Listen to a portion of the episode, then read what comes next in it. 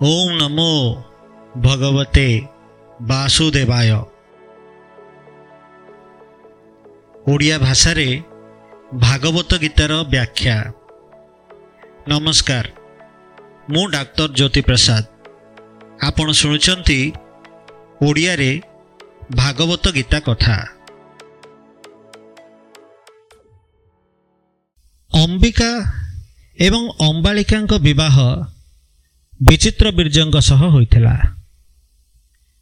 ଆମେ ବର୍ତ୍ତମାନ ମହାଭାରତର କାହାଣୀ ଶୁଣୁଛେ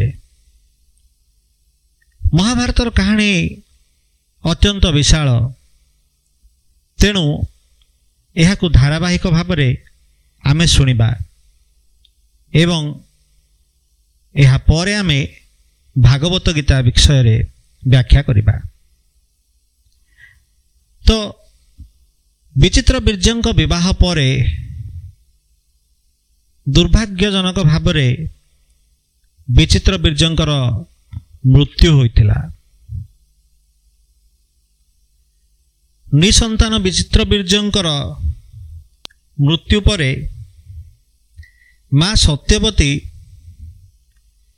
ନିଜର ପ୍ରଥମ ଗର୍ଭର ସନ୍ତାନ ବ୍ୟାସଙ୍କୁ ନିବେଦନ କରିଥିଲେ ଯେ ସେ ଅମ୍ବିକା ଏବଂ ଅମ୍ବାଳିକାଙ୍କର ଗର୍ଭଧାରଣରେ ସହାୟତା କରନ୍ତୁ।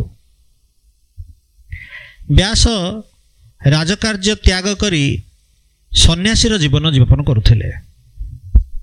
ସେ ଯାହା ହେଉ ବ୍ୟାସ ଏଥିରେ ସହମତି ପ୍ରଦାନ କରିଥିଲେ ଏବଂ ଗର୍ଭଧାରଣ ନିମିତ୍ତ ଅମ୍ବିକା ଯେତେବେଳେ ବ୍ୟାସଙ୍କ ନିକଟକୁ ଯାଇଥିଲେ ବ୍ୟାସଙ୍କ ତେଜରେ ସେ ନିଜ ଚକ୍ଷୁ ଖୋଲି ପାରିନଥିଲେ ଏବଂ ସେ ନିଜର ଚକ୍ଷୁକୁ ନିମିଳିତ କରି ରଖିଥିଲେ ବା ବନ୍ଦ କରିକି ରଖିଥିଲେ। ତେଣୁ ତାଙ୍କ ଗର୍ଭରୁ ଜନ୍ମାନ୍ଧ ଶିଶୁ ଧୃତରାଷ୍ଟ୍ର ଜନ୍ମ ହୋଇଥିଲେ।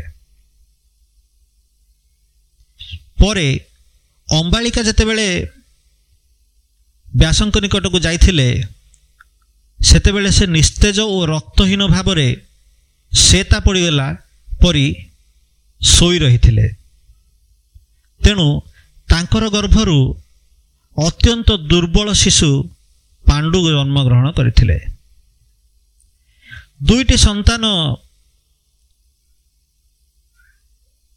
ଜନ୍ମ ହେବା ପରେ ସତ୍ୟବତୀ ବ୍ୟାସଙ୍କୁ ପୁଣି ଥରେ ନିବେଦନ କରିଥିଲେ ସହାୟତା କରିବା ପାଇଁ।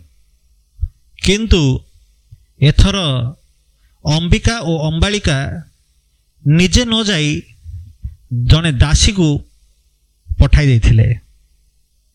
ସେହି ଦାସୀଙ୍କର ସନ୍ତାନ ଅତ୍ୟନ୍ତ ପ୍ରଖର ବୁଦ୍ଧିମାନ ଏବଂ ଯୋଦ୍ଧା ଭାବରେ ଜନ୍ମ ହୋଇଥିଲେ। ସେ ଥିଲେ ବିଦୁର।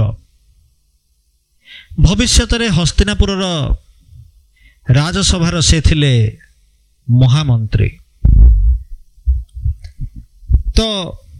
କୁମରମାନଙ୍କର ବୟସ ବଢ଼ିବା ସହିତ ଯେତେବେଳେ ରାଜପଦରେ ଅଭିଷିକ୍ତ କରିବା ସମୟ ଆସିଲା ଜ୍ୟେଷ୍ଠ ଭ୍ରାତା ହିସାବରେ ଧୃତରାଷ୍ଟ୍ରଙ୍କୁ ଶାସନଭାର ଦିଆଯିବାର ମତ ଜାଗ୍ରତ ହେଉଥିବା ସମୟରେ ବିଦୁର ଚତୁରତାର ସହ ଯୁକ୍ତି ଉପସ୍ଥାପନ କରିଥିଲେ ଯେ ଯେ ନିଜେ ଅନ୍ଧ ନିଜକୁ ସହାୟତା କରିପାରୁନାହିଁ ସେ ରାଜ୍ୟକୁ ସୁରକ୍ଷିତ କରିବ କିପରି ତେଣୁ ରାଜପଦ ପାଣ୍ଡୁଙ୍କୁ ମିଳିଥିଲା।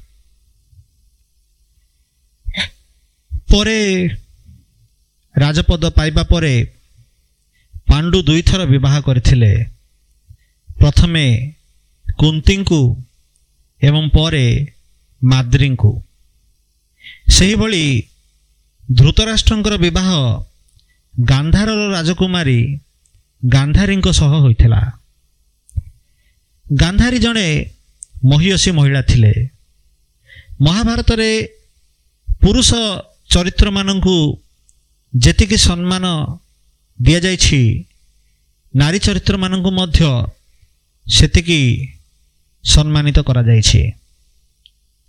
ଗାନ୍ଧାରୀ ସ୍ୱାମୀଙ୍କର ଅନ୍ଧତ୍ୱ ଯୋଗୁଁ ବ୍ୟଥିତ ହୋଇ ନିଜେ ମଧ୍ୟ ଆଖିରେ କଳାପଟି ବାନ୍ଧି ଦେଇ ସଂସାରର ଦୃଶ୍ୟ ନ ଦେଖିବା ପାଇଁ ଶପଥ ନେଇଥିଲେ।